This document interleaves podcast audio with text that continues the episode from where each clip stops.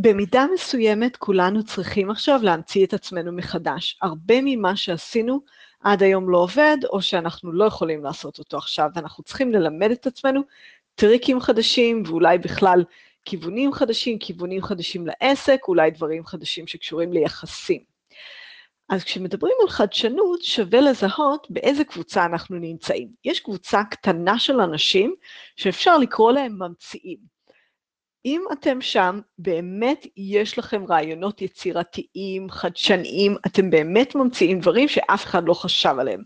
אם אתם בקבוצה הזאת, יופי, לכו על זה, פשוט תשבו עם עצמכם ותעשו איזה brainstorming עם עצמכם, מה אתם יכולים להמציא עכשיו, מה אפשר לעשות עכשיו, תזרקו הרבה, הרבה רעיונות, משהו מזה יהיה שימושי.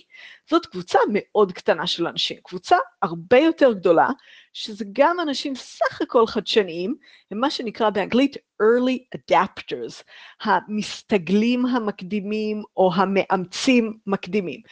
כלומר, אתם לוקחים רעיונות חדשים של אנשים אחרים, מהקבוצה הראשונה, הממציאים, ואתם יודעים ליישם אותם, ואתם מבצעים טוב. אז אתם פחות ממציאים את החדשנות, אבל אתם מזהים אותה מוקדם ואתם יכולים להצטרף אליה.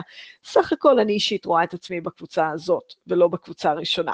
אז אם אתם שם, תקראו מה האנשים בקבוצה הראשונה כותבים, תקראו כתבות על חדשנות, תקראו מה האנשים עתידנים, או אנשים שיש להם איזו ראייה רחבה ויצירתית, מה הם חושבים שאפשר לעשות עכשיו. ובמקום לנסות לשבור את הראש בעצמכם, אתם לא חזקים בזה, תראו איזה רעיונות חכמים אתם מוצאים סביבכם ותתחילו לאמץ אותם.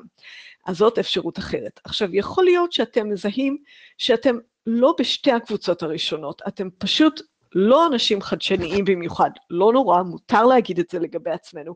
ואז במקרה הזה, מה שצריך זה קצת לחכות, אין מה לעשות, זה עובד קצת יותר לאט, ולחכות ולראות מסביב מה הפתרונות שאנשים אחרים מאמצים בפועל, לאן, לאן הזרם זורם.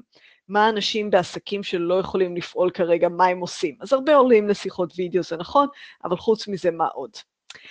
אז זה ממני היום, מקווה שזה בעל ערך, מסלי תדמור.